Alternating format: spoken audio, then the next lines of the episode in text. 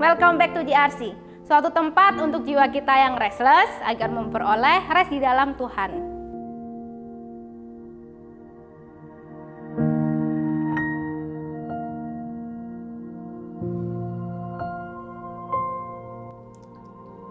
Shalom Sobat Muda yang masih bernafas dan yang memiliki jaringan internet yang menyaksikan pesan pastoral ini. Saya berharap kita semua dalam keadaan yang bahagia, sukacita di dalam Tuhan. Tidak terasa sudah tiga bulan tim JRC mengerjakan video tiap Sabtu dan saya berharap kita yang rutin menyaksikannya, kita sungguh-sungguh memperoleh berkat di dalam Tuhan. Di masa muda kita ada banyak pergumulan yang kadang menarik kita jauh dari Tuhan. Pergumulan hidup, keinginan daging yang begitu besar, sering kali membuat kita kehilangan sukacita, membuat kita ingin lari dari hadapan Tuhan, bahkan juga membuat kita bingung akan tujuan hidup ini, sehingga betul jiwa kita itu restless. Oleh sebab itu, Ko David berdoa setiap kita yang mendengar pesan pastoral tiap Sabtunya ini. Kita betul-betul menemukan rest di dalam Tuhan. Saat ini, Ko David mengajak kita merenungkan satu kisah yang paling gelap di dalam Alkitab, kisah tentang seorang tokoh yang sangat terkenal. Dia memiliki segalanya, namun ia berdosa kepada Tuhan begitu rupa. Saya mengajak kita membuka di dalam 2 Samuel pasal 12 ayat 1 sampai 14. 2 Samuel pasal 12 ayat 1 sampai 14. Saya akan membacakan hanya ayat 5 sampai 14 karena durasi dan juga kuota, saya akan bacakan untuk kita semua. Lalu Daud menjadi sangat marah karena orang itu dan ia berkata kepada Nathan, Demi Tuhan yang hidup, orang yang melakukan itu harus dihukum mati. Ayat 6, Dan anak domba bertitang itu harus dibayar gantinya empat kali lipat karena ia telah melakukan hal itu dan oleh karena ia tidak kenal belas kasihan. Kemudian berkatalah Nathan kepada Daud, Engkaulah orang itu, Beginilah firman Tuhan Allah Israel. Akulah yang mengurapi engkau menjadi raja atas Israel dan akulah yang melepaskan engkau dari tangan Saul. Telah kuberikan isi rumah tuanmu kepadamu dan istri-istri tuanmu ke dalam pangkuanmu. Aku telah memberikan kepadamu kaum Israel dan Yehuda. Dan seandainya itu belum cukup, tentu kutambahkan lagi ini dan itu kepadamu Mengapa engkau menghina Tuhan dengan melakukan apa yang jahat di, di matanya? Uria, orang Het itu, kau biarkan ditewaskan dengan pedang. Istrinya kau ambil menjadi istrimu. Dan dia sendiri telah kau biarkan dibunuh oleh pedang Bani Amon. Oleh sebab itu, pedang tidak akan menyingkir dari keturunanmu sampai selamanya. Karena engkau telah menghina aku dan mengambil istri Uria, orang Het itu, untuk menjadi istri. Beginilah firman Tuhan bahwasanya malapetaka akan kutimpakan ke atasmu yang datang dari kaum keluargamu sendiri. Aku akan mengambil istri-istrimu di depan matamu dan membiarkannya kepada orang lain, memberikannya kepada orang lain. Orang itu akan tidur dengan istri-istrimu di siang hari, sebab engkau telah melakukannya secara tersembunyi. Tetapi aku akan melakukan hal itu di depan seluruh Israel secara terang-terangan. Lalu berkatalah Daud kepada Nathan, Aku sudah berdosa kepada Tuhan dan Nathan berkata kepada Daud, Tuhan telah menjauhkan dosamu itu, engkau tidak akan mati. Walaupun demikian, karena engkau dengan perbuatan ini setelah sangat menista Tuhan, pastilah anak yang lahir bagimu itu akan mati. Demikian pembacaan firman Tuhan. Teman-teman sekalian, tahukah kita salah satu penyebab kenapa virus corona itu sulit teratasi? Penyebabnya adalah sikap yang meremehkan virus itu sendiri. Bukankah di media sosial kita melihat banyak sekali meme gitu, stiker-stiker lucu bahwa Indonesia nggak mungkin dimasukin virus corona karena virus Indonesia lebih sadis katanya. Kita terbiasa makan yang di pinggir jalan, jadi tubuh kita punya kekebalan tubuh yang luar biasa. Tapi apa yang, apa yang terjadi? Pada akhirnya hari ini kita melihat bahwa korban pasien positif corona terus bertambah. Teman-teman sekalian, sikap yang memandang remeh virus itu menyebabkan kematian, bukan hanya pada diri sendiri, tetapi kepada seluruh anggota keluarga kita. Teman-teman yang kasih Tuhan, sering kali kita memakai sikap yang sama ketika kita memandang dosa. Kita meremehkan dosa yang kita perbuat. Kita anggap ya, ya salah dosa itu kan semua orang melakukan. Terlalu banyak anak muda memandang remeh dosa. Kita merasa fine ketika kita berbohong. Kita merasa fine ketika kita menonton film porno. Kita merasa baik-baik saja ketika kita pacaran di luar batas. Kita merasa fine ketika kita tidak melakukan hal yang jujur. Kita merasa fine ketika kita tidak melakukan kebaikan. Kita merasa fine ketika kita mengumbar emosi kita yang tidak terkendali. Bahkan kita merasa baik-baik saja ketika kita tidak pernah membaca Alkitab dan beribadah kepada Tuhan. Sikap memandang rendah, memandang remeh dosa, justru membuat kita kehilangan damai sejahtera, sukacita, bahkan kemuliaan Allah. Teman sekalian, Allah tidak lagi memperdengarkan suaranya kepada kita ketika kita terus hidup meremehkan dosa. Apa yang terjadi? Akhirnya jiwa kita kosong, kita galau, bahkan kita bingung akan tujuan hidup kita. Bukankah itu sesuatu yang bahaya teman sekalian? Bahkan sering kali kita tetap bisa ke gereja, kita bisa melayani, tetapi kita tidak mengerti tujuan dari pelayanan itu. Kita tetap bisa jadi orang Kristen, kita tidak bisa mendengar khotbah, tetapi kita tidak mendengar suara Tuhan berbicara pribadi kepada kita. Kenapa? Karena kita meremehkan dosa yang kita berbuat setiap hari. Teman-teman tersiram Tuhan, mulai firman Tuhan hari ini, Ko David ingin mengajak kita melihat secara jelas apa yang ditulis oleh Alkitab. Dosa adalah tindakan menghina dan menista Allah. Dosa adalah tindakan menghina dan menista Allah. Salah satu pengertian dosa yang sering kali kita dengar, yang kita temukan di Alkitab di Perjanjian Baru, dalam tulisan perjanjian baru dosa ditulis dengan istilah hamartia. Arti sederhananya adalah melesat dari sasaran. Seperti anak panah yang ditembakkan tetapi tidak tepat pada sasaran. Itu dosa. Tetapi gambaran Alkitab hari ini memberikan kita anggap gambaran yang lebih clear. Bahwa dosa itu bukan hanya meleset dari sasaran. Tetapi dosa itulah tindakan menghina dan menista Allah. Tindakan Daud yang tertulis dalam 2 Samuel pasal 11 bukan hanya hamartia, tetapi yang dia lakukan itu betul-betul menghina dan menista Allah. Teman sekalian di dalam ayat 9 tertulis demikian. Mengapa engkau menghina Tuhan dengan melakukan apa yang jahat di matanya? Dalam terjemahan lain teman sekalian, teks ini berbunyi demikian. Mengapa engkau membenci firman Tuhan dengan melakukan apa yang jahat di matanya? Maka istilah menghina Tuhan disejarjarkan dengan arti membenci firman Tuhan. Maka Daud di dalam konteks ini teman sekalian, dia melanggar seluruh hukum Tuhan. Engkau bayangkan, ada 10 hukum Tuhan tetapi ia melanggar dari 6 sampai 10. Firman Tuhan di dalam keluaran 20 ayat 13 sampai 17 berbunyi, Jangan membunuh, jangan berzina, jangan mencuri, jangan mengucapkan saksi dusta tentang sesamamu, jangan mengingini rumah sesamamu, jangan mengingini istrinya atau hambanya laki-laki atau hambanya perempuan, atau lembunya atau keledainya atau apa pun yang dipunyai oleh sesamamu itu. Lalu apa yang Daud lakukan? Dia melanggar semuanya itu. Dia membunuh. Dia membunuh Uria, lalu dia mengambil istrinya, dia berzina dengan istrinya, dia mengingini rumah sesamanya, mengingini istri dan semua yang dipunyainya. Maka ketika Nathan menegur Daud, Nathan berkata, "Engkau sedang membenci firman Tuhan." Teman sekalian, jika Daud hidup di zaman sekarang, ia dikenakan hukum berlapis.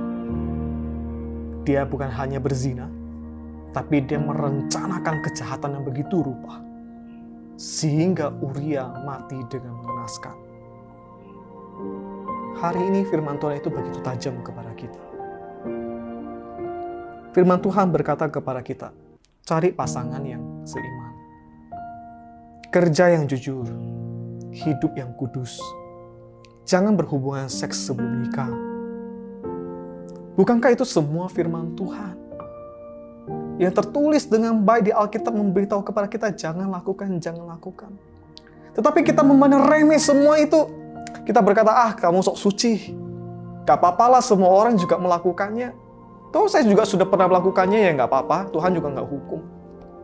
Teman sekalian, kita mengumbar dosa kayak begitu.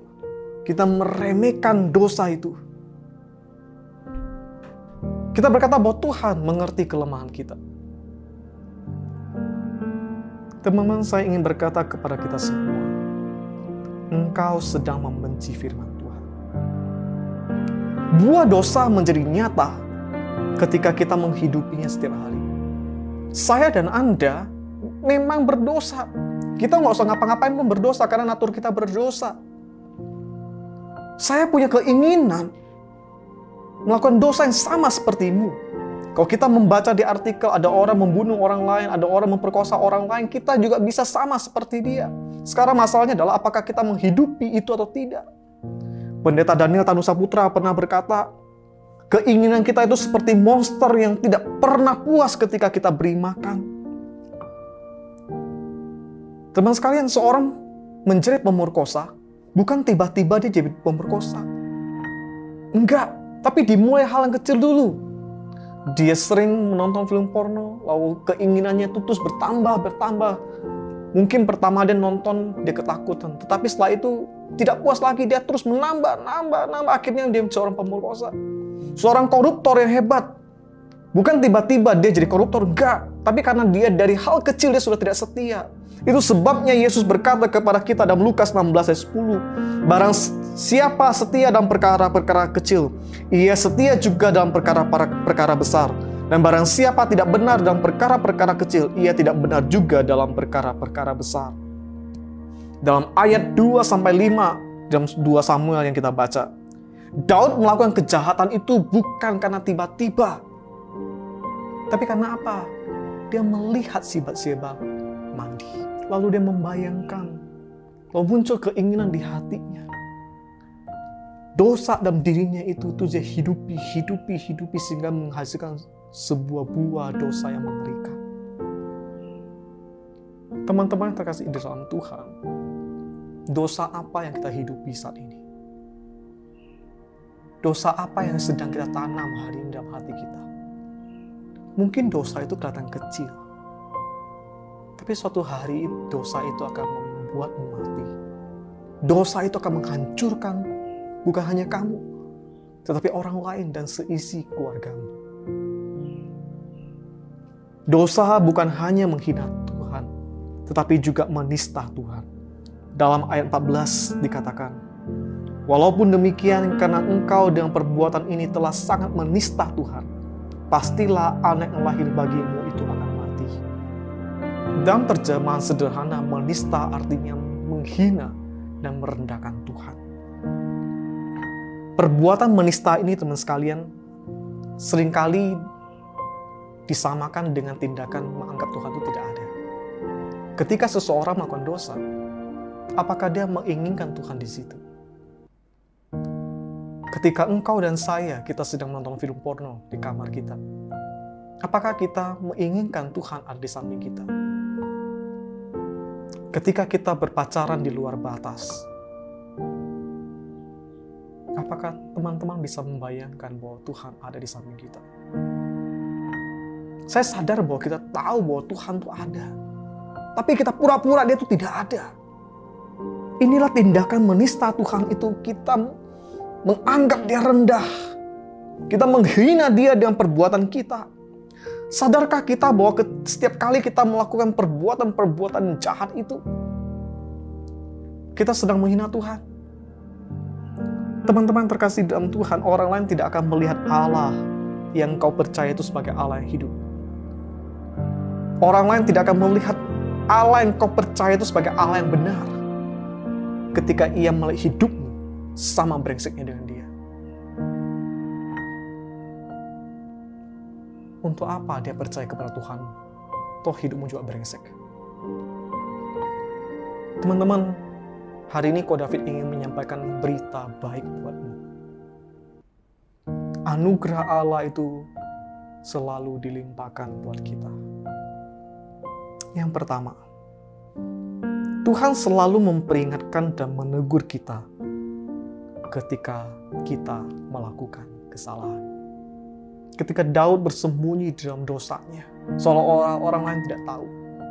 Tuhan mengutus Nathan datang kepada Daud, menegur dia, memberitahu dia dengan cara elegan. Teman-teman, Tuhan memberikan alarm di dalam hati kita. Tuhan memberikan peringatan dalam hati kita. Ketika kita melakukan dosa, hati kita gelisah. Engkau masih ingat ketika pertama kali menyontek di sekolah? Pasti kamu keringat dingin. Kamu ketakutan luar biasa, padahal gue cuma santai duduk. Tetapi ketika engkau melakukan itu berulang-ulang, dan engkau menjadi pro, ya, ketakutan itu hilang. Apa artinya? Alarmmu itu mati. Saya ingat betul ketika saya pertama kali sedang menikmati masa remaja saya. Saya curi-curi nonton film porno, teman sekalian. Tahu apa yang terjadi? Ketika saya berusaha membuka film itu, saya keringat dingin. Saya ketakutan luar biasa. Saya berharap tidak ada yang masuk ke kamar saya. Saya kunci begitu rupa, saya jaga semua. Lalu saya sambil nonton, saya sambil merinding, saya sambil ketakutan. Lalu saya mual, saya muntah. Tapi teman sekalian, alarm dalam hati saya itu, alarm yang Tuhan berikan itu, saya pura-pura nggak dengar. Guru sekolah minggu berkata, jangan nonton hal-hal nggak baik.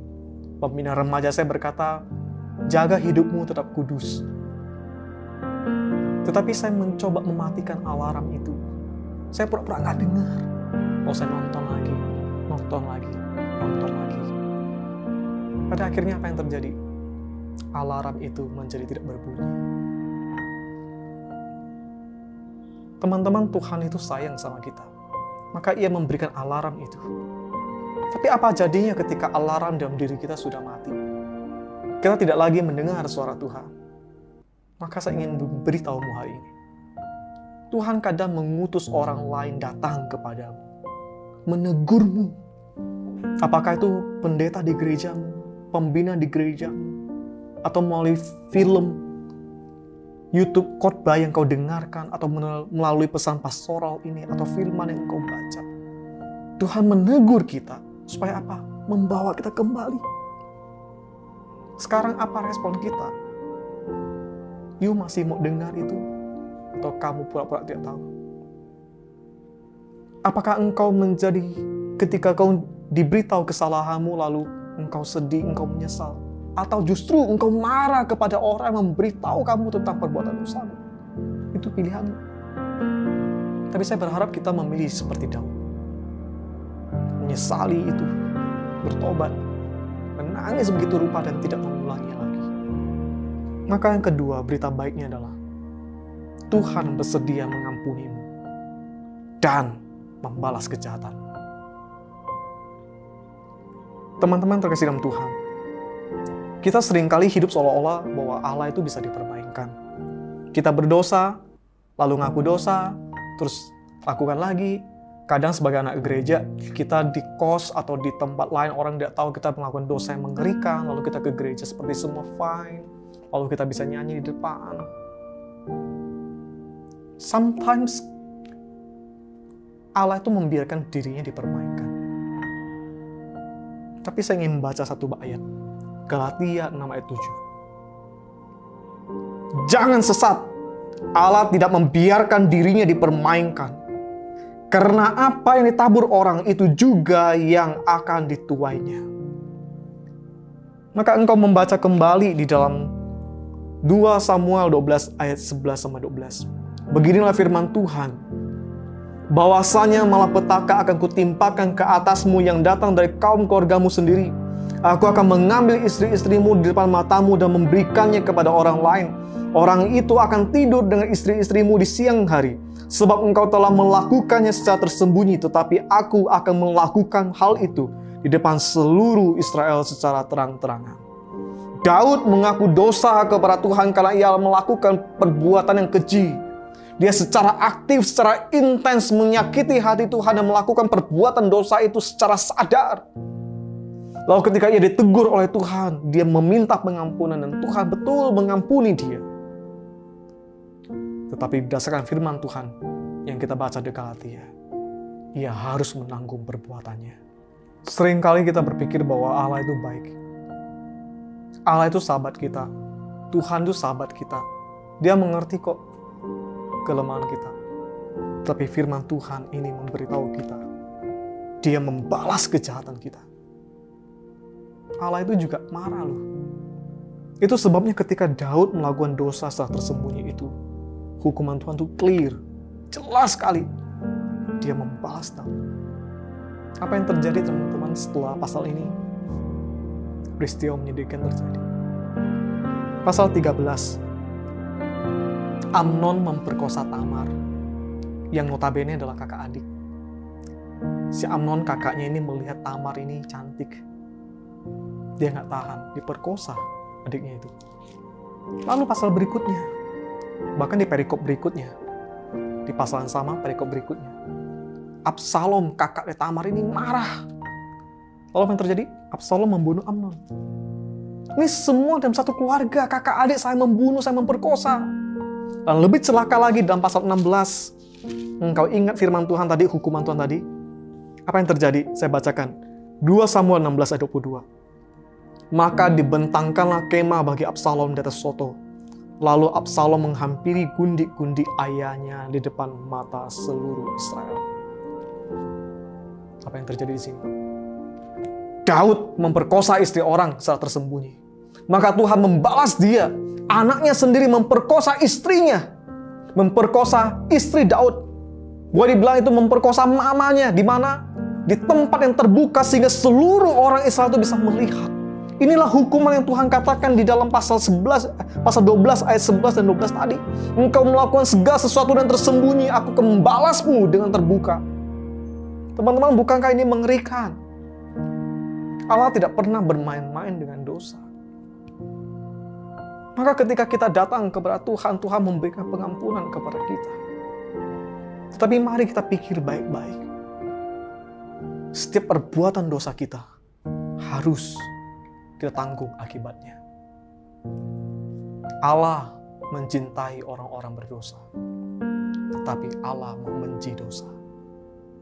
Oleh sebab itu teman sekalian hari ini, engkau yang mendengarkan pesan pastoral ini, engkau remaja, pemuda di mana pun engkau berada, maukah engkau datang kepada Tuhan hari ini? Bertobat mengakui dosamu. Dosa yang engkau hidupi. Dosa-dosa kecil yang engkau lakukan tanpa orang tahu. Dosa yang engkau lakukan berulang-ulang. Dosa yang engkau lakukan di tempat yang tersembunyi. Dengarkan firman Tuhan. Tuhan memanggilmu kembali datang kepadanya. Bertobatlah, sebab kerajaan Allah sudah dekat. Jangan biarkan masa remaja pemudamu hancur oleh karena dosa. Temukan kembali sukacitamu di dalam Tuhan. Temukan damai sejahteramu di dalam Tuhan. Gimana caranya? Kembali kepadanya. Saya mengajak kita berdoa. Mari kita tundukkan kepala kita, kita berdoa.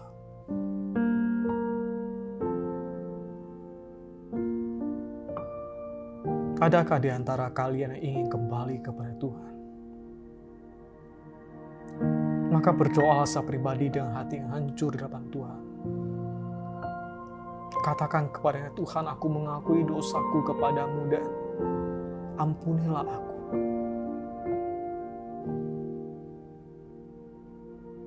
Bagi kita, setiap kita yang hatinya kosong, kalau tidak punya tujuan hidup, maka saya mengundang. Isilah hatimu. Undanglah Yesus tinggal di dalamnya. Maka engkau akan menemukan kembali tujuan hidupmu. Hatimu akan dipenuhi roh. Sehingga engkau menjalani hari-harimu. Bukan dipimpin oleh keinginan daging, tetapi dipimpin oleh keinginan roh. Mari kita berdoa.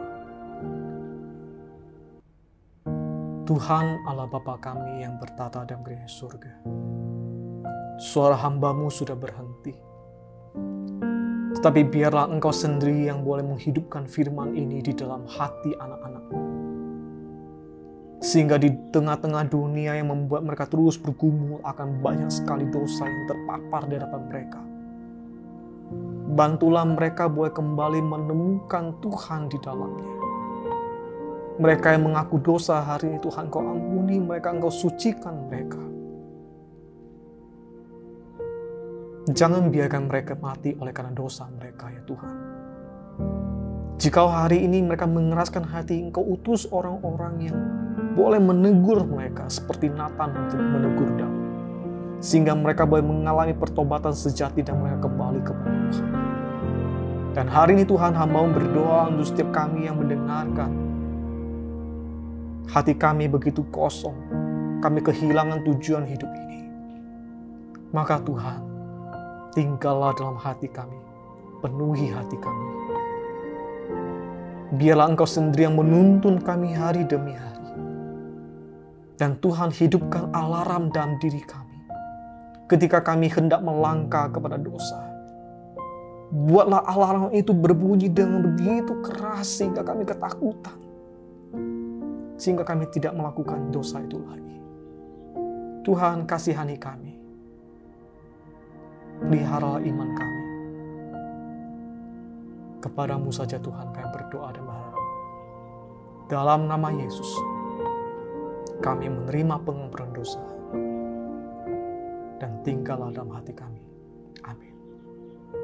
Tuhan memberkati kita semua.